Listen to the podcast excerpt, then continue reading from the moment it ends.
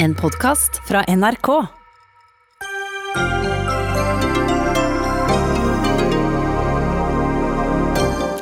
Regjeringen vil forebygge digital kriminalitet og ha et mer spesialisert politi. De burde innrømmet at nærpolitireformer er en fiasko, sier Senterpartiet. Klimagassutslippene går ned nasjonalt, mens i miljøbyen Oslo har utslippene økt. MDGs klimapolitikk virker ikke, sier klimaminister Sveinung Rotevatn.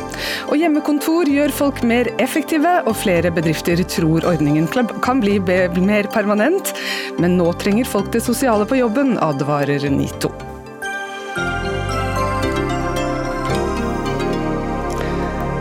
Velkommen, velkommen til Dagsnytt 18 denne tirsdagen, der vi også skal diskutere permitteringsordningene. Jeg heter Anne Katrine Førli. Ja, eh, vi ett år på overtid så kom i dag den ventede politimeldingen fra regjeringen. Der kan vi lese hvordan politiet skal håndtere fremtidens kriminalitet i den digitale verden, og hvordan norsk politi skal være fram mot 2030.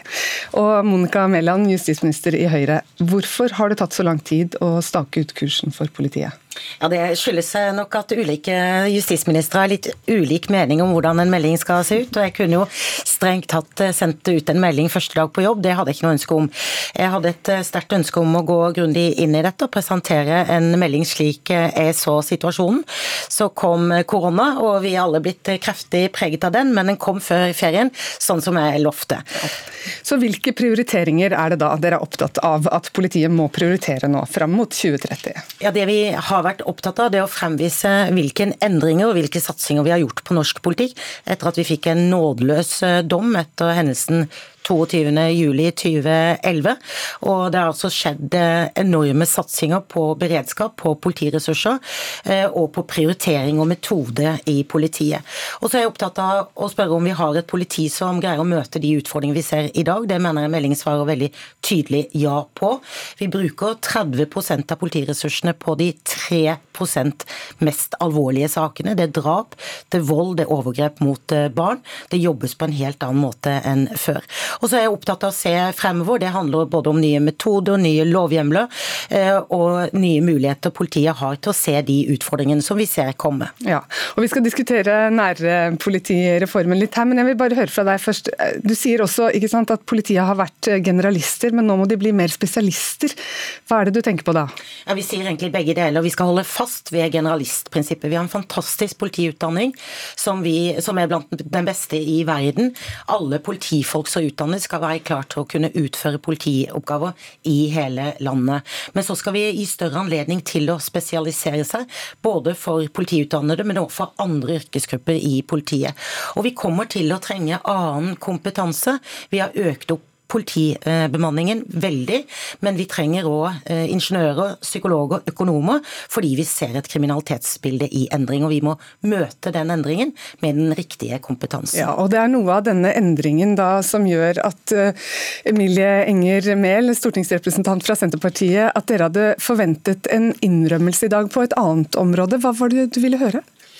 Nei, Senterpartiet hadde jo forventa i denne politimeldingen som venta så lenge på, en innrømmelse av at eh, nærpolitireformen har vært en fiasko i forhold til hva den egentlig lovet at det skulle bli. Fordi Regjeringa lova en politireform som skulle føre til mer lokalt politi, et politi som var nærmere folk, det skulle være mer operativt. Og Resultatet etter fem år er at politiet blir fjernere fra folk, det har blitt sentralisert. Det tar lengre tid før politiet kommer.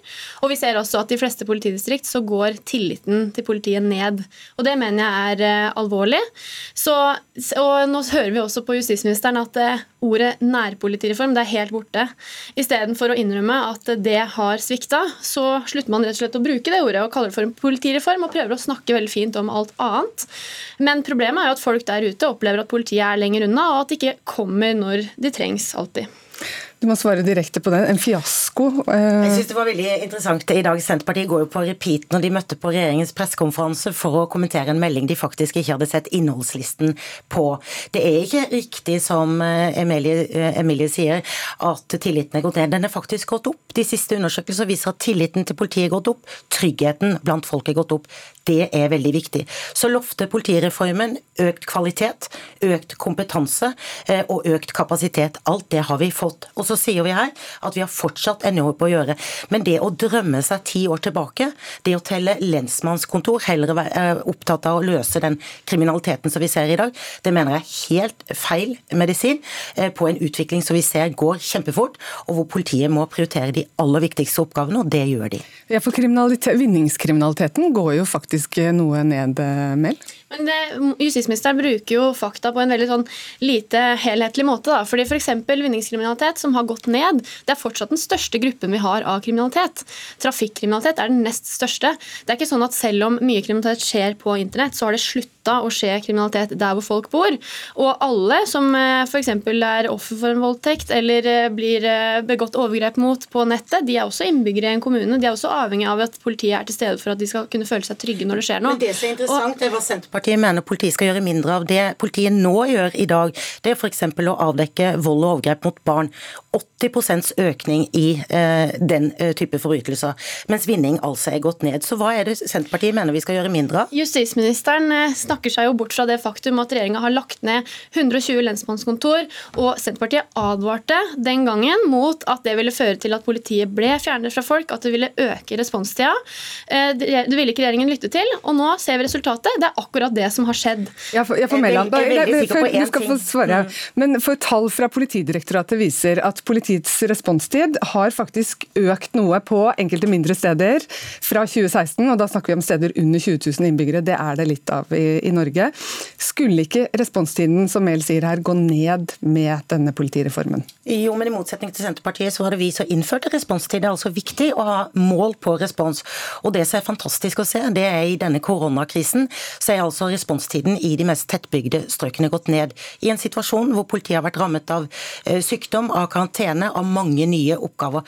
Politiet har gjort en fantastisk innsats i eh, denne perioden, og vi har ambisjoner. Når eh, responstiden er gått ned med 0,7 minutter i de mest grisgrendte strøkene i denne perioden, så forteller det om en enorm innsats fra mm, politiets side. Men vi har mm. altså noen mål, og de skal vi selvfølgelig nå. Vi må ta med oss en tredje person som er med oss på telefonen her, Lene Vågslid, stortingsrepresentant for Arbeiderpartiet. Vi hører to eh, ulike syn her. Hva slags rolle mener du at politiet skal spille mot 2030? Eh, det som er viktig for Arbeiderpartiet, er at politiet blir satt i stand til å løse hele sitt samfunnsoppdrag. Nå har politiet i flere år eh, vært underfinansiert, samtidig som en skulle gjennomført en veldig stor reform. Så kommer denne stortingsmeldingen, som vi har venta på lenge, og det skal Mæland ha ros for, at hun kommer med meldingen. Men den er skuffende lite konkret på hvordan han vil følge opp eh, vedtaket Stortinget bl.a. har fatta Eh, som sier at en skal styrke nærpolitiet. Jeg har selvfølgelig ikke rekt å lese i hele meldingen, men jeg lest ganske mye av den, og det hadde jeg forventa flere svar på. Jeg ser at eh, regjeringen erkjenner at det er et skjevforhold mellom disse funksjonelle driftsenhetene og de geografiske driftsenhetene. Det er viktig at de erkjenner det. Mm. For det har vi påstått i flere år. Nå erkjenner de det. Og da må de fyre opp da, med å vise hvordan skal de sørge for da, at eh, her jeg er nå, nå er jeg på Dalen i Vest-Telemark, at vi kan få politiet innenfor de kravene vi trenger. Hvordan vi kan styrke bemanningen. Vi ser av bemanningsoversikten i meldingen at det er utrolig store forskjeller, særlig kanskje i Sør-Øst politidistrikt. Og Der er meldingen full av en del gode intensjoner, men den er av det jeg har sett det nå, for lite konkret. Men Vågslid, risikerer vi en økning i kriminaliteten totalt sett fordi de groveste forbrytelsene nå prioriteres av politiet? Nei, jeg mener jeg sa først. Jeg. Politiet må settes i stand til å gjøre hele samfunnsoppdraget sitt. Politiet har fanget et enormt oppdrag av storsamfunnet. Det er å forebygge, det er å både avdekke etterforske mindre og større saker. Og det er de per nå ikke satt i stand til. Der har justisministeren en gyllen anledning nå, i og med at hun handlekraftig nok sørga for 400 midlertidige stillinger til politiet i koronakrisa at de stillingene blir varige fra 2021. Ja, vi ta vil den- gi politiet et skikkelig og riktig og nødvendig løft. Ja, Det må du svare på, Mellan. Altså, disse politiansatte som nå jobber ekstra, skal de nå få lov til å jobbe permanent? Nå må jeg bare få si at eh, Når det gjelder prioritering, så er det denne etaten som har vært høyest prioritert prøv gjennom både penger og bemanning gjennom disse årene. Mm. Med nesten 3000 flere ansatte enn i 2013. Det skjønner jeg, Når det gjelder de 400, så har jeg vært veldig tydelig i dag. Dette er ikke noe statsbudsjett. Dette er en melding. Og så vet jeg at veldig mange ønsker at de 400 skal bli fast ansatte, og det skal vi komme tilbake til. Inkludert uh, justisministeren selv også? Det skal vi komme tilbake til når vi presenterer budsjettet. ja, fint. Mail på den. Ja, altså Et helt konkret vedtak som Stortinget gjorde da i 2018, det var jo at alle gjenværende lensmannskontor skulle styrkes. Og Det var jo også en forventning Senterpartiet hadde i dag, at det skulle være en del av politimeldinga. Hvordan man skal styrke de lensmannskontorene som står igjen. I stedet for kom meldinga, og ut fra det jeg kan se hittil, så står det at man skal i utgangspunktet beholde de som står igjen, men det står ingenting om at de skal styrkes. Og det åpnes også for å legge de ned hvis det er såkalt lokal enighet, hva nå enn det vil bety. Og I tillegg så står det at man skal utvide og kanskje åpne for flere mobile kontor osv. Men problemet er jo at et mobilt politikontor som kommer rundt av og til, det kan ikke erstatte en lokal politimann som bor i kommunen, som kjenner folket, som kan jobbe forebyggende og som er til stede. Jeg vil sterkt anbefale Senterpartiet å lese meldingen, for der står det faktisk at vi skal styrke politiet i distriktene. Det betyr ikke at reformen har vært feil, den har vært helt riktig. Det å styrke politidistriktene, det å styrke eh, etterretning, analyse, operasjonssentraler har vært helt nødvendig. Og der må vi rett og slett la leder av Politiets Fellesforbund, Sigve Bolstad, få slippe til her. fordi Vi må også ta to ord om eh, hvordan beredskapen til politiet med disse tiltakene som er foreslått i denne meldingen, eh, nå blir påvirket, eh, slik du ser det. Det første jeg vil si, det er Intensjonen i nærpolitireformen er veldig god. Det står veldig mye bra der. Norsk politi har blitt styrka når det gjelder den spisse beredskapen. Det kom et nasjonalt beredskapssenter, man får tre politihelikopter, objektsikring, man har styrka operasjonssentraler med mer. Så man har gjort en del i forhold til den spisse beredskapen. Det som har, eh, det som har skjedd, det er så rett som justisministeren sier. Norsk politi er styrka med flere milliarder kroner. Rett skal være rett. Problemet er bare at det har gått mer penger ut enn det som har kommet inn. Og den mismatchen der, og det viser også forskning, evaluering av, som DFØ sjøl har gjort, viser rett og slett at det har gått på bekostning av hverdagskriminaliteten. Så det vi sitter igjen med nå, det er at man har fått en mer sentraliseringsreform enn en desentralisert reform. Eh, og Derfor så var det veldig bra å høre både eh, statsministeren og statsråden så tydelig i forhold til at nå må man ressurssette de geografiske driftsenhetene der ute, distriktene, for de har lidd under oppbygginga av den spisse beredskapen. Det var det, og, og det var behov for å få på plass den spisse beredskapen. Men konsekvensen er dessverre at det er mindre politi der folk bor. Og det har vi faktatall på, og det har vært forskning på det. Så det er på en måte udiskutabelt. Men derfor så, i forhold til spørsmålet, jeg syns det er gledelig at det blir sagt at nå skal man se på hverdagsberedskapen. Og Da gjenstår det bare én ting, fra ord til handling. Og ikke ha så ekstremt tro på alle de Men tror du nå at vi vil få en bedre beredskap da, i de neste ti årene? Ja, altså Vi har en justisminister og en statsminister som står og sier det direkte ut til de 5,5 millioner menneskene som bor i Norge, så av og til så må man jo tro på det også. Men nå gjelder det å gå fra ord til handling, og det går på hverdagsberedskapen. Og Vi skjønner at ting koster, men kunnskap koster, og beredskap koster. Og det er behov for å få på plass mer hverdagsberedskap. Jeg mener vi har vist det gjennom årene at vi tar dette på alvor. Vi har hatt topprioritet både å øke den nasjonale beredskapen og den lokale beredskapen, for begge deler er kraftig styrket. Og så ser vi at vi trenger å styrke patruljene, det å styrke eh, politiet nær der folk er, det å styrke publikumstjenester. Men det å telle lensmannskontor eller ansatte på lensmannskontor, det forteller ingenting om hvilken kriminalitetsbekjempelse man gjør. Det er ikke sånn at krim, eh, kriminelle er opptatt av om eh, lensmannskontoret er oppe fra, fra 10 til 12 tre dager i uken. Men tjenestene til folk må være der, og politiet skal være nær der folk er. Det handler om legitimitet og tillit og trygghet, og det skal vi sørge for. Mel, dere ser vel også at kriminaliteten har endret seg? Altså, det er en, veldig viktig å ha en innsats mot digital kriminalitet og den såkalt nye kriminaliteten, men det kan ikke erstatte målrette innsatsen der hvor folk bor, innsatsen mot den hverdagskriminaliteten som folk opplever. Og er jo, Jeg er jo helt uenig med både statsministeren som vi hørte i dag, og justisministeren i at eh, politifolk nærmest ikke er nødvendig for at eh, man skal nå der hvor kriminaliteten er. Statsministeren ble utfordra på det. Er det sånn at eh, man skal ha politifolk nært der folk bor? Og så sa hun nei, fordi at man, man skal ha nært der kriminaliteten skjer. Poenget er at kriminalitet skjer også der folk bor, så man kan ikke ha det ene eller det andre. Man har begge deler. Er du enig, Bolstad? Vi har et helt kull fra Politihøgskolen som går arbeidsledig, som er på Nav og de med helt andre typer jobb enn den bacheloren de har tatt. La de få jobb. La de 400 midlertidige stillingene bli fast. Så får du enda mer eh, hverdagsberedskap. Da får du politiet ut, eh, statsråd, der det er ønskelig for, for publikum. Da får du altså styrka aldri... både den spiseberedskapen og hverdagsberedskapen. En gavepakke. Vi har altså aldri hatt flere politifolk, og i motsetning til Senterpartiet så har vi hatt en ambisjon om å nå to per tusen. Men vi trenger òg annen kompetanse, og det håper jeg òg Politiets Fellesforbund er enig i. Vi trenger ingeniører, vi trenger økonomer, vi trenger annen kompetanse. Det må vi også greie å styrke i en situasjon hvor kriminaliteten er i kraftig endring. Vi støtter mangfoldet, det har vi også sagt til den høringen. Da var dere enige om det. Takk skal dere ha, Monica Mæland, justisminister fra Høyre, Sigve Bolstad, leder av Politiets Fellesforbund, og Lene Vågslid, stortingsrepresentant for Arbeiderpartiet. Og Emilie Enger Mehl, du kan bli sittende her, for vi de skal få inn en til, nemlig Petter Frølich, som er på vei inn døra.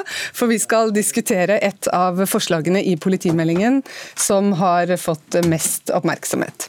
Nemlig at regjeringen vil se på om politiet i dag har oppgaver som andre kan utføre. Og det er faktisk du det, Petter Frølich, stortingsrepresentant for Høyre, som har tatt initiativ til dette. Hvilke politioppgaver skal de private aktørene kunne overta? Det vi vet er at det er et skrikende behov for flere operative politifolk eh, som kan drive etterforskning og forebygging og være ute og gjøre samfunnet trygt. Så vet vi samtidig at veldig mange politifolk bruker arbeidshverdagen sin rett og slett på rene administrative oppgaver eller transport av innsatte. Eh, vakthold i rettssaler som ikke egentlig har noe særlig stor risiko. Og det er, utrolig, det er et utrolig sløseri. Eh, de folkene som har brukt tre år av livet sitt på å jobbe seg til å bli politifolk, de bør jo bruke tiden sin til andre ting. Så tanken min er at eh, vi må se på hvilke oppgaver som kan, eh, hvor, hvor politiet kan få assistanse fra andre krefter. Det kan f.eks. være ansatte i kriminalomsorgen, som vi har en del eh, forsøk med som fungerer ganske bra allerede i dag. Eller det kan være det som vi har gjort før, nemlig bruk av eh, private, godt trente eh, operatører. Ja, Emilie Enger Mehl, kan ikke dette avlaste politiet da, så de får gjort mer av det du nettopp har sittet her og etterlyst? Ja, jeg er veldig skeptisk til en privatisering av politioppgavene av flere grunner. Ehm, det ene er jo at eh, politiet er jo satt til å forvalte en makt som staten utøver overfor sine innbyggere, og til å forvalte loven. Og Det er jo en helt grunnleggende oppgave for eh, en stat. Eh, og så har vi en politiutdanning i Norge som er veldig god, sånn at de som har den myndigheten, de skal ha samme, samme utdanning, og det, er, er vi, det har vi god kvalitet på. Um, og Hvis man skal åpne for eh, private inn i politiet, så vil man jo også måtte betale de med den samme pengesekken som man skal ha til å ansette politifolk. Så jeg skjønner ikke helt hvordan man skal spare så veldig mye penger på det. Fordi at eh, de pengene man skal bruke på på disse private selskapene, da, de må jo da tas av det samme budsjettet som man i dag har politifolk på. Det er flere som har spurt om dette med pengene, Frølich. Det er ikke nødvendigvis et sparetiltak, men det har en utrolig egenverdi at politiet kan få frigjort ressurser og, og komme mer til nytte for, eh, for samfunnet. Men eh, så er det også selvfølgelig en økonomi i at eh, vektere ikke nødvendigvis går inn på den turnusordningen som politiet har, som er veldig spesiell. Så det vil nok være mange fordeler med en sånn løsning. Og det fine er at dette er ikke noe nytt. Det er ikke noe sånn nå at vi liksom utfordrer en norsk modell og utfordrer liksom voldsmonopolet til politiet og sånn. Dette har vi forsøkt før, i 2004 og 2005, med veldig veldig gode resultater. Altså De fikk kjempegod tilbakemelding. Og det, det var et forsøksprosjekt i Drammensområdet, i gamle Søndre Buskerud politidistrikt, hvor 30 000 polititimer ble frigjort. Og når dette ble avskaffet av den rød-grønne regjeringen, så var politimesteren der oppriktig lei seg, fordi at han mente at det hadde vært et godt bidrag til å få polititjenestemenn ut i felt, eller å drive med etterforskning av alvorlig kriminalitet. Ja, så Jeg forstår fortsatt ikke helt hvordan de skal løse det økonomisk. fordi at det, det Budsjettet blir på en måte ikke noe større av at du skal erstatte politifolk med da må du svare på det med en gang, ja. det med økonomien. Det er dyrere, Vi vet i Norge at du, for, for å få én politibil på hjul for eksempel, i et døgn, så krever det 18 ansatte politifolk. Så det vi vet er at Skal du begynne å oppbemanne eh, for den spesifikke tjenesten, eh, så må du ansette veldig mange flere hvis de skal inn på en turnusordning. Vektere har den fordelen at det kan være mer fleksibelt, eh, så det finnes noen fordeler her. Men jeg har ikke lyst til å, lyst til henge meg opp i at dette er et økonomisk tiltak. fordi Vi pøser penger inn i politiet, vi. Og vi skal ansette masse masse politifolk til å eh, gjøre Norge sikrere. Men- fordi, men fordi fatte... Mel, Det må jo ikke bare være politibil, nei, politifolk som, som kjører eh, folk Nei, mellom har- fengsel og retten, det- f.eks. Men det er en vesentlig forskjell på å sette dette her ut til private selskaper som skal tjene penger på det, og ha f.eks. folk som er, jobber i fengsel, som også har en utdanning. De har, eh, Mm. de har god kompetanse på det, den rollen de har. Eh, Vi har jo en egen eh, yrkestittel som er arrestforvarer, som nettopp gjør dette her, men det er fortsatt ansatte gjennom staten.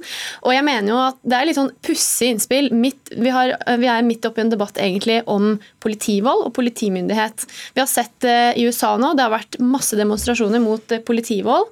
Det, det, er, jo et land som er helt annerledes enn Norge. Der det, ikke, det er ikke noen felles politiutdanning. Det er veldig ulikt mellom hver stat. Eh, det kan, nærmest hvem som helst kan bli politi.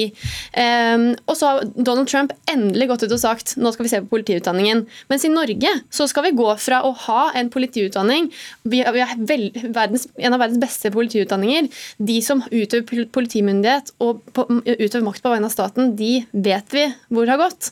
Og så skal vi gå for å åpne for private inn der. Det syns jeg blir veldig rart. Jeg må spørre deg, Frølich, hvilken, det er flere som lurer på dette her. Hvilken myndighet vil vektere ha, f.eks. hvis en varetektsfengslet da forsøker å rømme under fangetransporten? Den samme som din og min. Eh, Og kanskje utstyres med noe ekstra utstyr og, og trening og sånn, men de kan ikke få de myndighetene som politiet har. Det er vi tindrende klar på. Og dette har vi hatt gode regler for før, og det kan vi ha igjen. Men jeg vil bare, jeg vil bare gå litt i rette med dette premisset om at vi nå liksom begynner å utvanne politiutdanningen osv. Her, her høres det jo ut som at politifolk utdannes med, med, den hensikt og det mål at de skal transportere fanger. Det skal de ikke. Det er noe som egentlig hører til unntaket, men som er blitt dessverre en rutine. Fordi at eh, ja, eh, man, har, man har brukt, og, og, brukt, politiet til den type oppgaver. Det er i utgangspunktet kriminalomsorgens oppgave eh, å drive med den type transport. Så å snakke om at dette er en utvanning av politiets kjerneoppgaver, og sånn, det er det ikke. Vi kan trygt overlate dette til andre. Og jeg tror at med godt trente vektere, med god opplæring og eh, veldig kontrollerte, restriktive hjemler, så kan det gå helt fint, akkurat som det har gjort før. Og der fikk du siste ord i denne debatten. Petter Frølich, stortingsrepresentant for Høyre, og Emilie Enger Mehl, stortingsrepresentant for Senterpartiet.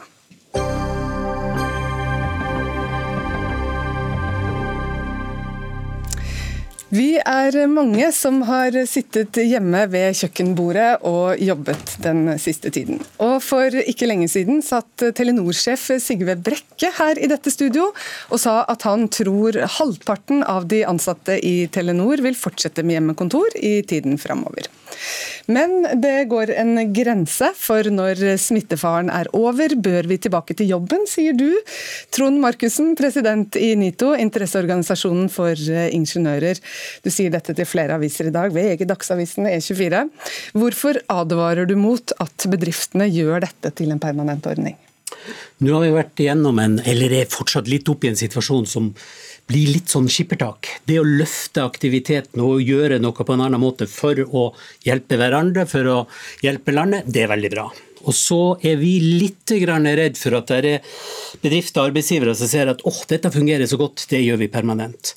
En tredjedel av våre medlemmer sier det når vi spør at eh, det kan fungere en periode, men vi er litt vi savner fellesskapet, vi savner kollegaene, vi savner miljøet. Ja, for Dere har foretatt en undersøkelse ja. blant medlemsbedriftene.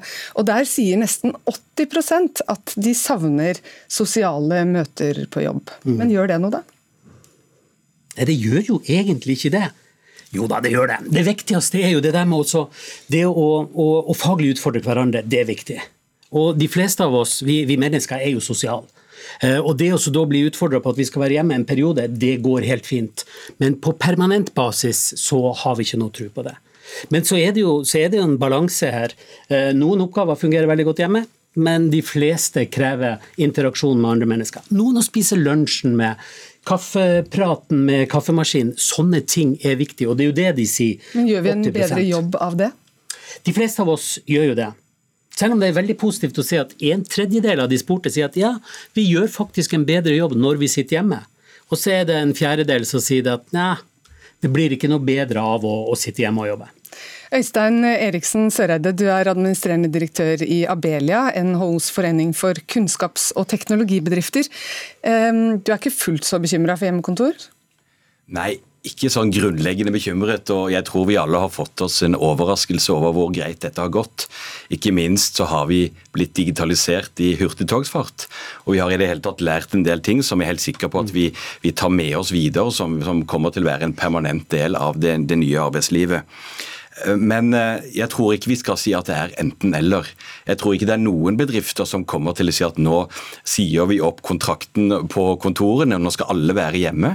Og jeg tror heller ikke det motsatte blir, blir tilfellet. Jeg tror fleksibilitet er den nye normalen, og at det er det vi også bør, eh, bør etterstrebe. Men vi hører jo om bedrifter som sier at nå er det blitt mer effektivt, dette har fungert bra, så da kan vi kutte litt ned på kontorlokaler. Ja, og vi har, vi, har også, vi har også undersøkelser som viser at produktiviteten har gått opp, at noen jobber bedre hjemme. Eh, hvordan man jobber på arbeidsplassene, det vet vi alle har endret seg mye. Åpne landskap, noen har sågar ikke sin faste pult. Dette er jo i endring uansett, og var det før korona. Noe av dette tar vi med oss videre. Og Hvis det er sånn at i snitt vil det alltid være noen som jobber hjemme, så tror jeg jo at det kan ligge til, til grunn for at man også kan klare seg med litt færre kvadrat. Men jeg tror ikke det er motivasjonen eh, hos arbeidsgivere. Motivasjonen er å få dette til å, til å fungere godt sammen i et godt samspill mellom eh, arbeidsgiver og arbeidstaker. Det er jo normalen. Eh, Vi er et tillitsbasert samfunn, og dette fungerer jo alt i alt veldig bra. Ja, for Markussen, Når det viser seg da at vi blir mer effektive når vi jobber hjemmefra, så er det jo en del arbeidsgivere som kan komme til å utnytte dette her. Derfor sitter jeg her. Jo, men Det er det som er litt av utfordringa. Det har noen plusser. Og så må vi bare være klar over at der er en minusside også, sånn at vi setter oss ned, som vi alltid gjør, og så diskuterer vi og så finner vi de gode løsningene. Men de arbeidsgiverne som ser at dette fungerer bedre, vi bare gjør det, det har jeg liten tro på. Og så er jeg nok litt der, Øystein, at jeg har ikke så veldig lyst til at arbeidsgiveren skal si at nå kutter vi ned på antall kvadrat, free seating, åpne kontorløsninger. Det å sitte i kontorfellesskap har noen utfordringer, det også. Så da- da skal vi finne de gode løsningene som fungerer for arbeidsgiver og arbeidstaker. For Du frykter at det kan bli lavere terskel nå for å ruse seg eller drive med gambling da, mens man sitter hjemme og er på jobb? Ja, på den måten at eh, de som eh, kanskje tok seg et glass vin tidligere, men visste det at de skulle på jobb og, og treffe kollegaer og arbeidsgiver neste morgen, det, det var selvoppdragende på et litt annet vis. Nå kan det skli ut. De som har et problem, som er i et oppfølgingssystem, det er en ting. Men de som ikke har, et, eh, har vist noen eh, problemer tidligere, men som, som kanskje har et avhengighetsforhold, eh, gambling, alkohol, vi som medkollegaer eller som arbeidsgiver har en jobb å gjøre der. Det kan være litt utfordrende. Ja, for Hvordan skal dere klare å avdekke avhengighet da når arbeidsgiver ikke er til stede? Det, det, som, det som er helt klart er at Vi ser jo at eh, en ny måte å jobbe på krever også en ny tilnærming til ledelse. Eh, Det blir enda viktigere at eh, lederen ser, bokstavelig talt, eh, den ansatte, følger opp, sørger for å ha regelmessig kontakt, finner mekanismer for også å avdekke eventuelle problemer og utfordringer. Jeg tror ikke vi har sett ennå at det er noen dokumentasjon på at dette har blitt et økt problem, men det må vi jo følge med på. Her ble det sikkert forsket mye fremover også. Men uansett, ledelse blir ikke mindre viktig når man har hjemmekontor, tvert imot. Og også selvfølgelig den enkeltes ansvar for å kalle det være seg tilliten verdig, eh, øker jo også i en ny måte å jobbe på. Ja, for Er bedriftene i Norge rusta godt nok til å drive med god digital ledelse? I det store bildet så ser vi jo at mange har fremdeles en del å, å gå på der. Det er noe av det vi bl.a. kurser våre medlemmer i. Men, men eh, vi ser jo at det i hvert fall har skjedd mye nå veldig raskt. eh, Og man blir bevisst på, på hva som skal til. Og I Abelia, så når vi snakker med våre, våre bedrifter, våre ledere, så sier vi at det er fire prinsipper som må ligge til grunn. Og det er altså støttende lederskap. Det er å avklare forventninger. Det er forutsigbarhet, og det er tillit. Dette tenker jeg god ledelse har vært, og vil også være det fremover. Tror du de er godt nok rusta for det? Vi har lært veldig mye disse månedene. Dette har jo vært en fantastisk skole å gå i.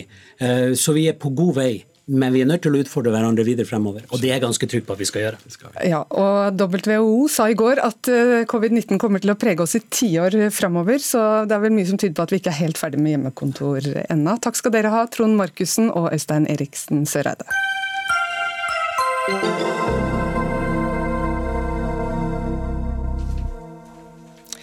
Bedriftsledere og tillitsvalgte står nå sammen og er like bekymret for arbeidsplassene. For det går mot masseoppsigelser denne sommeren dersom regjeringen ikke gir signaler om en forlenget permitteringsperiode. Slik det er nå, er arbeidstakerne permittert med et ekstra koronatillegg ut oktober. Men uten løfter om en forlengelse på dette, så går arbeidsplasser dukken, sier bl.a. dere, Nina Melsom. Du er arbeidslivsdirektør i NHO. Først, Hva er det som preger de henvendelsene som dere får eh, nå om dagen? Vi får mange henvendelser fra bedrifter nå om dagen. Og det er fra hoteller, det er fra vaktselskaper, det er fra flyselskaper, grown handling-selskaper, det er kantinebedrifter og det er turbusselskaper, for å nevne noen. Og de er sinte, de er oppgitt. Og det går, henger sammen med at de må nå iverksette oppsigelser hvis de ikke får lovnad om at permitteringsperioden utøkes utover oktober måned. For det, er, det tar tid å gjennomføre en nedmanningsprosess. Mange ansatte har tre måneder, én måned, seks måneders oppsigelsestid. Og hvis de skal klare å gjennomføre det innen oktober, så må de starte nå. Ja. Og dette er bedrifter som er rammet av eh, smitteverntiltak. De sier at eh, permittering kan du bare bruke når det er et midlertidig arbeidsbortfall. Markedet kommer tilbake men det kommer ikke tilbake innen utløpet av oktober. Eh, og da mener de at eh, da må man heller utøke denne perioden, og det må de ha lovnad om nå. For det å skulle gjennomføre disse prosesser, så skal de først nedmanne og bruke masse tid på det. Og så skal de etterpå oppbemanne og bruke tid og ressurser på det. Ja, for Dere har sammen med LO sendt brev til regjeringen hvor dere ber om en forlenget permitteringsperiode med penger fra staten, da, og at dette kommer på plass så snart som mulig. Ja, og vi trenger lovnaden nå før sommeren, sånn at det ikke ikke man trenger å iverksette og bruke tid og ressurser på denne type prosesser. Da kan vi gå rett til deg, Heidi Nordbu Linde. Du er andre nestleder i Stortingets arbeids- og sosialkomité for Høyre. Kan du komme med disse pengene som nå både arbeidsgiverne og arbeidstakerne ber om? Jeg kan ikke gi det løftet over bordet her, her nå, men jeg skjønner veldig godt den frustrasjonen så mange føler på, både på arbeidstaker- og arbeidsgiversiden. Og Vi kommer til å gjøre en vurdering av permitteringsordningen. Den har vært endret på i mange omganger omganger, eh, avhengig av, av, situasjonen. Så vi skal eh, gjøre en vurdering, men husk på at det er utrolig nok så virker det så lenge siden nå. Det er 14 uker siden eh, vi, vi hadde helt historisk lav ledighet i mars. Og over natten gikk til altså historisk høy ledighet med 10% permitterte eller som uh, mistet, mistet, jobben sin. Nå er dette faktisk eh, halvert, og tusenvis av mennesker kommer tilbake til jobben sin hver eneste dag. Så vi går mot en ny normal.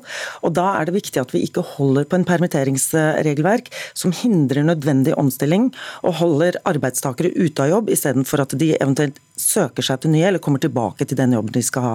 Så jeg hører her at man eh, omtaler det som et midlertidig fall, men for mange så er det ikke gitt at det står en arbeidsplass tilbake i andre enden. Men nå sier de her da at de har tro på at arbeidsplassene deres skal komme tilbake. De trenger bare litt mer tid, og det er staten som har bedt dem om å, å stenge ned. Kunne dere ikke da gitt dem disse månedene for å redde mange tusen arbeidsplasser? Det er jo nettopp pga. den usikkerheten på hvem av disse er det faktisk som er levedyktige inn i framtida. Og det er jo særlig restauranter, reiseliv eller leverandører til et eh, globalt marked som er dimensjonert for noe som er mye større enn det det vi har her, her lokalt. Og Det kan nok også gi arbeidstaker falsk trygghet, samtidig som det spiser også av dagpengerettighetene eh, deres. Så man, eh, man er jo her på arbeidsgiversiden og ikke på arbeidstakersiden. Arbeidstakere er veldig lojale til eh, sin arbeidsgiver. De søker ikke andre muligheter eller andre jobber mens de er i permittering, men mange burde kanskje også se på den muligheten. Så du mener at det er ikke reelt at de kan få tilbake arbeidsplassen? At det rett og slett kommer til å vi frykter, en inn, ja, vi frykter en innlåsingseffekt. At veldig mange blir gående lenger permittert enn en nødvendig, nettopp fordi at arbeidsplassen ikke kommer til å være tilbake. Melsom, det kan jo være et aktuelt eh, resultat, det også? Vi er i fortløpende dialog med bedriftene våre, og de er veldig tydelige på at eh, ja, noe av markedet kan bortfalle, men mye av markedet kommer tilbake. Og da er vi tilbake til at dette er smitteverntiltakene som har forårsaket at de må stenge ned. Og de må sakte, men sikkert så åpner man opp igjen.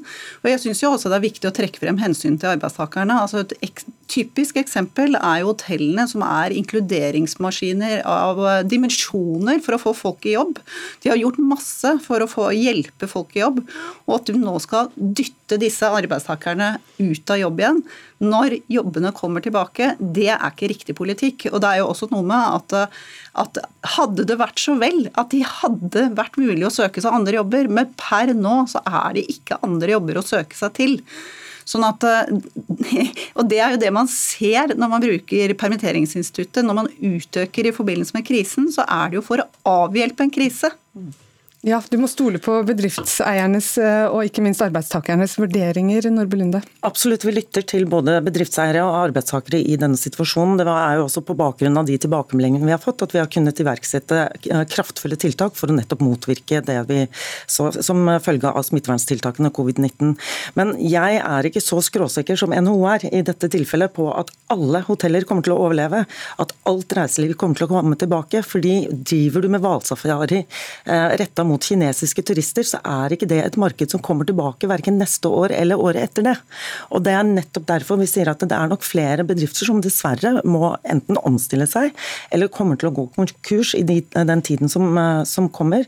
Og Det er jo ikke et ønsket fra verken regjeringen eller samfunnets side, det, men det er en naturlig konsekvens av at vi faktisk har en historisk eh, hendelse som har preget Norge de siste månedene. Vi skal ta med oss en til. Erlind Wiborg, du er stortingsrepresentant for for Fremskrittspartiet. Dere var inntil nylig enige med Høyre her, men nå er Fremskrittspartiet villig til å diskutere både 52 ukers permittering ut eh, året og, og flere ting. Hva fikk dere til å, å gå inn for dette, Wiborg? Fremskrittspartiet har hele tiden ment at i den ekstraordinære situasjonen vi er nå, så bør man da eh, utvide eh, permitteringstiden eh, og reglene rundt det. Eh, og Grunnen til det er at vi er i en helt ekstraordinær situasjon. Vi vet at sakte, men sikkert kommer man tilbake til normalen. Eh, og verden vil ikke bli helt lik. Eh, det vil være endringer, det vil være markeder som er borte. Men fortsatt, så når eh, vi åpner grensene igjen, utlendinger kan komme og feriere i Norge, så kommer vi til å ha bruk for mange arbeidsplasser og bedrifter innenfor reiseliv, hoteller osv. Og da er det utrolig synd hvis vi nå da lagret er så å si rumpa at vi da ikke åpner opp for å utvide permitteringsreglene. Noe som da vil medføre at veldig mange arbeidstakere nå i sommer vil få oppsigelsen sin i posten. Ja, det er uheldig.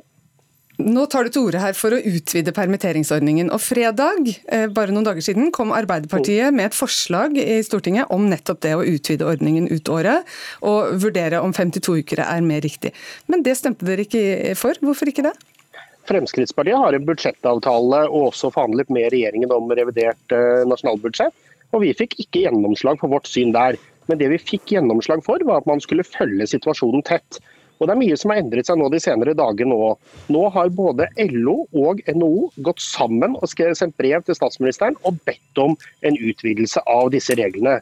Og jeg mener I den akutte og vanskelige situasjonen vi nå er i, da må vi lytte til de som har skoene på til bedriftseierne, til de ansatte, eh, som da eh, sammen ber oss om å komme med dette tiltaket. Man har gjort det tidligere. Man gjorde det da vi fikk et massivt eh, oljeprisfall for noen år siden. Da valgte man å utvide. Og jeg mener nå er det en politikerstyrt krise også. Pga. det er smittevernreglene og det er innreisebegrensningene som nå skaper problemer for mange bedrifter, spesielt innenfor reiseliv og hotell. Og da bør ikke vi godta at eh, ansatte her skal bli sparket og miste jobben, når de sannsynligvis har en god jobb å gå tilbake til når høsten og vinteren kommer. Ja, Nordby Lunde, Det har skjedd mye de siste dagene. Nå er også Frp på lik linje med arbeidstakerne og arbeidsgiverne. Kommer dere etter også? Altså Det viktigste for oss er å få opp aktiviteten i økonomien og få folk ut i, ut i arbeid. Men dette her er ikke en politisk styrt krise. Vi står overfor en global pandemi som har ført til at man må ha eh, satt i gang smitteverntiltak for å redde liv. Så jeg syns ikke man skal gjøre seg så veldig høy og mørk på dette.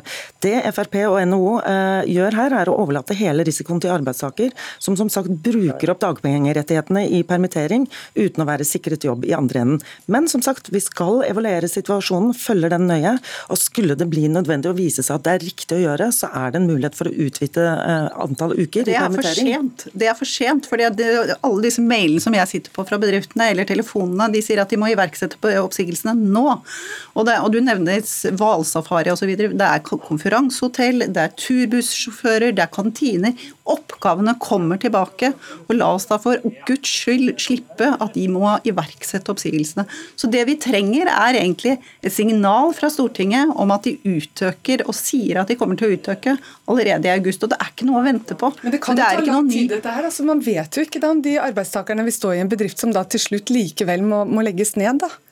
Nei, men, men, men må, man må jo stole på bedriftene, og de er veldig tydelige. og det jo, Dette viser jo også fra tidligere kriser, som jeg sa, at eh, både i forbindelse med oljekrisa og finanskrisen man avhjelper i forbindelse med krisen, de kommer tilbake i jobb. og Det må vi også stole på skjer denne gangen. I oljekrisen så var det 50 000 arbeidsplasser som gikk tapt, og de kom ikke tilbake igjen i, i, den bransjen. og Det vet også NHO. Men som sagt, vi kommer til å følge denne situasjonen nøye. Vi ønsker å redde arbeidsplasser og norsk næringsliv, for det er der verdiene skapes, og som vi skal leve av også nå framover. Utfor, utfordringen Nordby er at oppsigelsesvarslene går ut nå i disse dager. Og da er det synd hvis det er mennesker, mange her er lavt utdannede mennesker også, som kanskje vil ha utfordringer med å kunne få seg ny jobb. Da syns jeg det er synd at vi skyver de ut av arbeidslivet, i stedet for å komme med denne håndsrekningen som både arbeidstakere og arbeidsgivere ønsker. De risikerer å bli skjøvet ut av arbeidslivet uansett, og da Der mener jeg det er må vi dessverre sette strek for denne diskusjonen. Takk skal dere ha, Erlend Wiborg, stortingsrepresentant for Frp, Nina Melsom, arbeidslivsdirektør i NHO, og Heidi Nordbu Lunde, eh, andre nestleder i Stortingets arbeids- og sosialkomité for Høyre. Hør Dagsnytt 18 når du vil. Radio NRK Radio.nrk.no.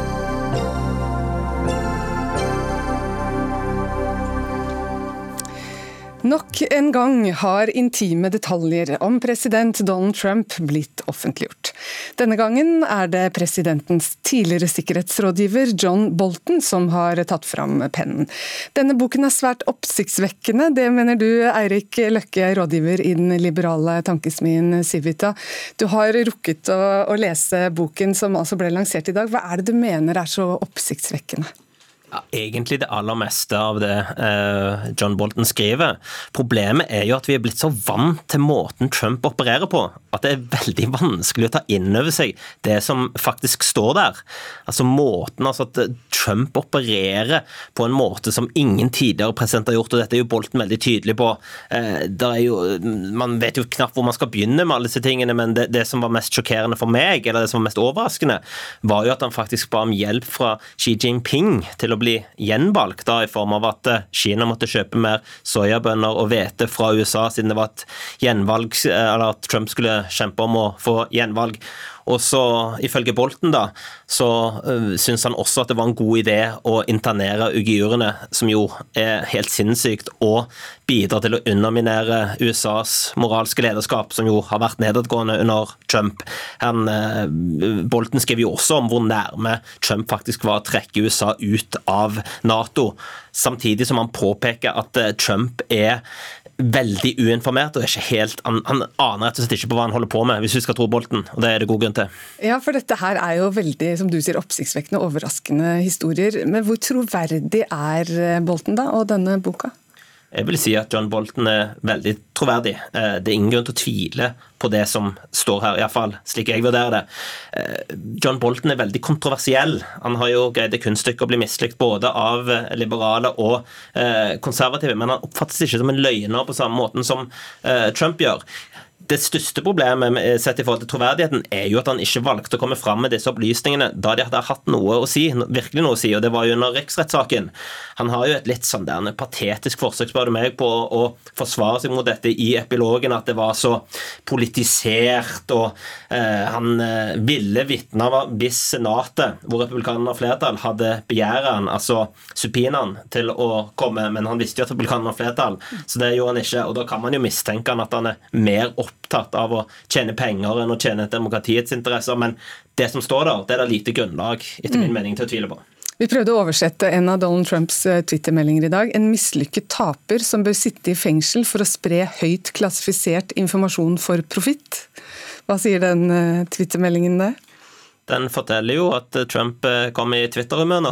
Da kan det komme veldig mye rart. Og så sier de jo også det at eh, Trump er særdeles lite fornøyd med denne utgivelsen. Og da holder han jo på i kjent eh, Trump-stil med å skjelle ut alt og alle. Presidential harassment, som han skriver med capslock-bokstaver. Og jeg mener på en måte så er det ikke veldig overraskende det eh, Bolten skriver. Man kan jo bare se på Twitter-kontoen til Trump, så beskriver de jo og viser jo at det faller inn under samme mønster. Alt Trump sier offentlig, går jo fint inn i det bildet som Bolten beskriver i boken. Det er jo det, og det, det, er det som er sjokkerende. Mm.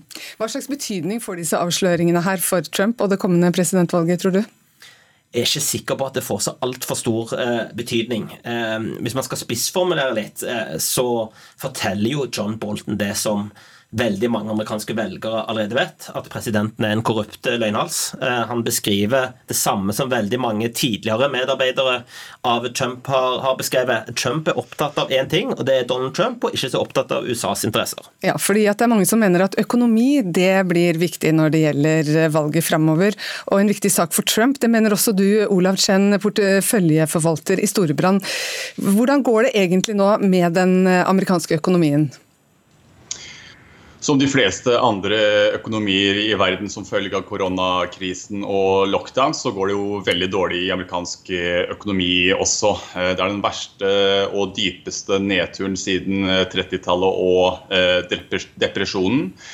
Og arbeidsledigheten har gått fra rekordlave 4% til 14-15 før det toppet ut der og falt noe tilbake nå.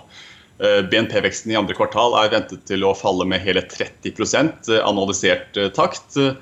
Og mange bedrifter vil gå konkurs. Når det er sagt, så er det jo tegn til at man gjenåpner økonomien nå også, som man ser i Norge og mange andre steder. Hvor aktiviteten gradvis er i ferd med å ta seg opp. slik at bunnen i på en måte denne krisen her er nok passert. Men det vil nok ta tid før du vil komme tilbake til eh, tilstandene vi hadde før eh, koronakrisen. Men i tredje kvartal så er det ventet at veksten vil ta seg betydelig opp og vokse med 20% Ja, Det er eh, noen måneder igjen før valget. Hva kan Trump gjøre for å styrke økonomien nå den siste tiden før presidentvalget i november? Han kan fortsette med å dra i de spakene han kan dra i. Eh, og det er jo først og fremst eh, finanspolitikk. Dvs. Si skattekutt, eh, pengeoverføringer og andre typer redningspakker. Han har jo i løpet av de åtte ukene under koronakrisen vedtatt redningspakker som er større enn det som ble, tatt, ble, vedtatt i løpet av hele tre år under finanskrisen. Det er altså de største redningspakkene som har blitt vedtatt eh, siden eh, andre verdenskrig og depresjonen. Så, så, det har han helt klart bidratt til. Men problemet er jo at det er på lånte penger. Det er ikke alle som er så like heldige som Norge, som har et oljefond å tære av. Så det er lånte penger, og eh, i en tid hvor han allerede egentlig har brukt mye penger for å fyre opp økonomien eh, til og frem til gjen, gjenvalg.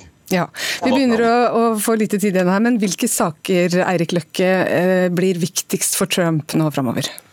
Nei, Det er jo som ble nevnt her, økonomien. Det var jo det absolutt absolutt sterkeste kortet for Trump før eh, koronaviruset, som han kunne skryte mye av.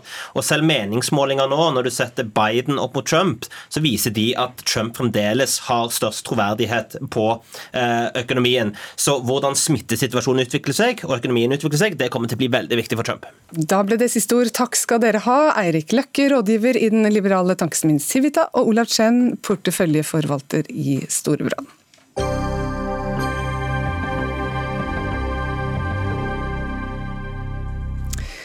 For fjerde året på rad går klimagassutslippene i Norge ned. I fjor ble det sluppet ut 50,3 millioner tonn CO2. Eh, det er det laveste utslippene vi har sett på 27 år. Men i landets hovedstad, der Miljøpartiet De Grønne styrer klimapolitikken, har utslippene økt. Og Sveinung Rotevatn, klima- og miljøminister fra Venstre. Du mener dette viser at eh, MDGs politikk rett og slett ikke virker. På hvilken måte? Det er iallfall lite som tyder på det. Eh, jeg tror nok vi og MDG deler veldig mye av ønskene om å få ned klimagassutslippene. Er sikkert enige om mye på miljøområdet, men det er dessverre slik at utslippene i Oslo nå har gått opp i to år på rad, mens MDG lovte at de skulle gå ned. Det henger kanskje sammen med at de lovte at du skulle få billigere kollektivreiser, men det har heller blitt dyrere. Eh, og at det etter mitt syn ikke blir tatt eh, kraftige nok grep. Eh, og så ønsker jeg at det skal være en kraftfull og tydelig klima- og miljøpolitikk over hele landet. Jeg er glad for at vi iallfall nå nasjonalt har hatt nedgang i klimagassutslippene i fire år på rad. Vi skal snakke om de, men først nå så snakker vi om MDGs politikk. Mm. Dere har sagt at dere, dere tror det er fordi de er mer opptatt av symbolkamper. Hva legger du i det? Jeg har i alle fall inntrykk av at det er et voldsomt høyt konfliktnivå eh, i Oslo. Så handler mye om eh, privatbilisme og et eh, bilfritt sentrum, som jeg foreløpig ikke har sett noe til. Og mange sånne diskusjoner som handler om vegetarmåltid i kantinene osv. Og, og det er helt greie diskusjoner, det. Men faktum er at utslippene ikke går ned, og det må de gjøre i hele Norge. Du har sittet i dette studioet en del ganger og fått kritikk for manglende klimasatsing av bl.a. MDG. Er det en viss skadefryd vi kan spore hos dere i dag? Nei, det er det ikke. Jeg er alltid for at klimagassutslipp går ned, og heier på alle som jobber for å få dem ned. Men jeg må jo si at MDG har jo hatt en voldsom høy sigarføring. Eh, og jeg husker for noen få år siden, når vi fikk noe foreløpig utslippsstatistikk for Norge der det tyder på at utslippene kunne ha gått opp med 0,4% så sa altså MDGs leder at regjeringa er citat, 'fullstendig udugelige' til å kutte utslipp. Det kunne vært interessant å høre hva MDG ville gitt som karakteristikk til sitt eget byråd når utslippet har gått opp ikke bare ett år, men i to. Ja, Einar Wilhelmsen, byråd for finans i Oslo kommune fra MDG. Du er ansvarlig for Oslos klimastrategi.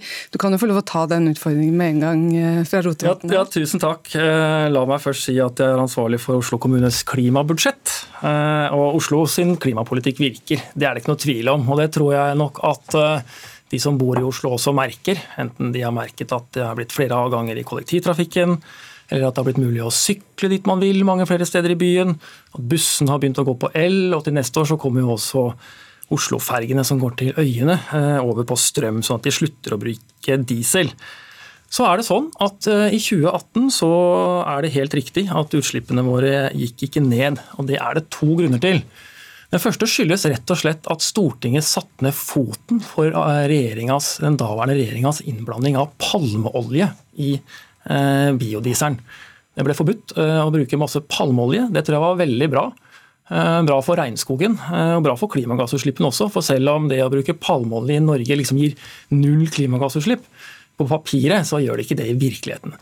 Så året etterpå, i 2018, eh, så gikk utslippene da litt opp fra veitrafikken fordi at det ble solgt mindre biodiesel fordi man ikke lenger fikk lov å bruke masse palmeolje. Og så har det skjedd en annen ting også. Og det er at eh, når Miljødirektoratet la fram statistikken sin for hvor store utslippene av klimagasser er i Oslo kommune, og alle mulige andre kommuner, så sier de at eh, det er mye større utslipp fra bygg og anlegg enn vi har trodd før. Så her endra direktoratet faktagrunnlaget.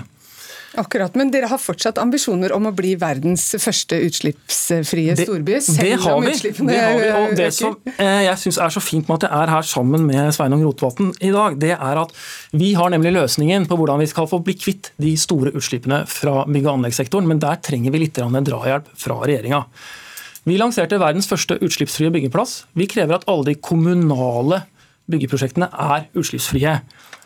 Men vi har jo bare noen få av byggeprosjektene i Oslo. De aller fleste byggeprosjektene står staten og private for. sånn at Det vi trenger nå, det er for det første at staten har like ambisiøse klimakrav som oss på sine statlige byggeprosjekter. Og så trenger vi å få lov til å stille krav til klima når vi lager reguleringsplaner og gir byggetillatelser. Nå ble det, det veldig bedt, mange ting eh, her, ja, men det har, vi, det har vi bedt departementet om, vi har ikke fått noe svar. Altså, så det håper jeg veldig vi kan få. Her, det var mange ting her. Du fikk litt av skylda for denne utslippsøkningen i Oslo også? Ja, Det kan ikke jeg helt forstå. for Det er helt riktig at vi har klart å fase ned bruken av palmeolje, og vi er enige om at det er bra. Men vi har ikke altså gjort det bare i Oslo, vi har gjort det i hele Norge. Men likevel så går utslippene ned i Norge, men opp i Oslo. Det er litt vanskelig å forstå. Eh, når det gjelder bygg og anlegg, så tror jeg vi er helt enige. Der må vi få ned utslippene.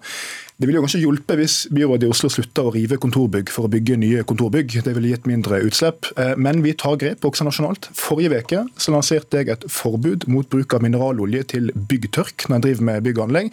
Det kommer alene til å redusere utslippene med 80 000 tonn CO2 årlig. Og vi kommer til å gjøre mer på bygg og anlegg når vi nå jobber med den store klimaplanen som jeg skal legge fram for Stortinget til høsten. Så jeg er helt enig at der skal det gjøres mye. Og jeg tror også at en kunne gjort mer i Oslo, for å være helt ærlig. Ja, Wilhelmsen, Det er litt flaut da, at regjeringen kan vise til bedre tall enn dere kan i Oslo? Eh, vi kutter utslipp eh, der vi kan og der vi kommer til. Eh, og Det jeg er litt opptatt av, det er at det er noen ting kommunene kan gjøre, og så er det noen ting staten kan gjøre. Vi bruker de virkemidlene vi har. Når det gjelder bygg og anlegg, som vi nå akkurat har lært er en mye større utslippskilde enn det vi trodde, så er vi kjempeopptatt av at vi kan få lov å stille strengere krav og få lov å ta i bruk verktøy for å gjøre noe med det. Så det håper jeg virkelig at du kan hjelpe oss med. Kan du gjøre det, Rotevatn? La, de, la det bli enklere å stille krav? Vi har gjort det mye enklere å stille krav. En har fått mye nye fullmakter ned eh, på løpende bånd, enten det handler om eh, å regulere mer trafikk lokalt eller det er andre ting. Og på bygg og anlegg så tar vi kontinuerlig grep gjennom å for det første fase ut uh, fyringsolje, som er blitt forbudt fra 1.1 i år som første land i verden. Gjennom å ta tak på det som om byggtørk og flere andre tiltak som vi skal gjennomføre. Men det er klart, en kan jo også ta noen grep sjøl, f.eks. med å slutte å drive, drive, unødvendig riving av kontorbygg for å bygge helt nye kontorbygg på samme plass. Det er den typen politikk som jeg ikke tror er så bra for verken byutviklinga eller for klimagassutslipp. Og det gjør vi, men denne saken handler om bruk av anleggsdiesel. Så det vi lurer på er om vi kan få lov å stille klimakrav til gjennom reguleringsplaner, sånn at vi kan kreve det samme av alle utbyggerne i Oslo kommune som det vi allerede gjør på våre egne byggeplasser. For Der sier vi at det skal ikke være utslipp av klimagasser. Vi har elektriske gravemaskiner og vi bruker biodrivstoff der vi ikke har andre alternativer. Det vi ønsker oss, er at vi får lov å stille det samme kravet til private utbyggere og til staten. Det vil ha stor effekt. Kjapt svar fra deg, Rotevatn. Ja, som sagt, Vi jobber med en svær klimaplan som kommer til høsten. Da kommer det til å være mange tiltak innenfor bygg og anlegg. Hvem kan være dette tiltaket her? Dette er en av tingene som er spilt inn, og vi jobber jo med det. og så må jeg se hva Stortinget også sier til det til slutt. Men jeg vil jo si at jeg syns det er litt passivt å bare sitte her og si at utslippene går opp og opp i Oslo fordi vi får ikke lov til å gjøre noe av staten, når det tross alt går ned i andre byer, og det går ned nasjonalt. Så jeg tror kanskje at MDG skal ha litt mindre høy sigarføring på vegne av at alle andre gjør feil, og se litt mer på hva de sjøl kunne gjort. Litt selvkritikk, Wilhelmsen? Ja, Vi skulle gjerne kutta utslippene enda mer, det er ingen tvil om det. Eh, og vi skulle gjerne gjennomført ytterligere eh, klimatiltak, men det er altså litt begrensa hva slags verktøy vi har i den kommunale verktøykassa. Erlend Hermansen har sittet og hørt på dere, forsker ved CICERO, Senter for klimaforskning. Eh, ja, hva har du å si til denne diskusjonen? Ja, Først vil jeg bare påpeke at vi diskuterer litt epler og pærer her. fordi De tallene som Rotevatn sikter til, er da foreløpig 2019-tall, mens det Wilhelmsen sikter til, er 2018-tall. Så Hvis du ser på tallene, eh, de nasjonale tallene fra 2018 på det nasjonale egenskapet, så gikk de eh, da transportutslippene opp. Eh, og Det gjenspeiles jo i Oslo-regnskapet. Der, for der spiller også andel biodrivstoff en viktig rolle. Og i Oslo så er, spiller transportutslipp en veldig stor rolle på utslippsregnskapet. Og så er det også, som, som eh, Wilhelmsen påpeker, da, utslipp fra anleggsplasser. Så Det som blir interessant, det som blir liksom fasiten her, da, det er når vi får de endelige utslippstallene eh, mot slutten av 2019. Da får vi brukket det bedre ned og kan sammenligne eh, det som nå er litt epler og pærer. Ja, men Hvorfor ser vi denne nedgangen nå, at utslippstallene går ned nasjonalt? Eh, det er, er, altså dette er foreløpige tall. Vi får endelig tall eh, mot slutten av året. Da har vi fått overraskelser før, men nå får vi ikke en positiv overraskelse rett før sommeren. Eh, så Hvis det viser seg å stemme, så er det veldig gode nyheter at Norge for første gang har nasjonale klimamål innen rekkevidde. Det betyr fortsatt at vi er avhengig av veldig mye kutt utenlands, om lag en tredjedel. Men eh, hvis, de, hvis, de, går ned, så, så, så, er jo det gode nyheter. Og det skyldes i, i all hovedsak at eller først og fremst at utslippene fra transport har gått ned. Uh, utslippene her, altså de foreløpige tallet tyder på at utslippet gikk ned 3,4 sammenlignet med i fjor. Uh, det uh, har vært en nedgang en trend i fire år. Da tar vi det med oss som siste ord fra denne sendinga. Erlend, takk skal dere ha. Erlend Hermansen, Einar Wilhelmsen og Sveinung Rotevatn. Dagsnytt 18 er over for i dag. Ansvarlig for sendingen var Odd Nytrøen, teknisk ansvarlig Stein Nybakk og i studio Anne Katrine Førli.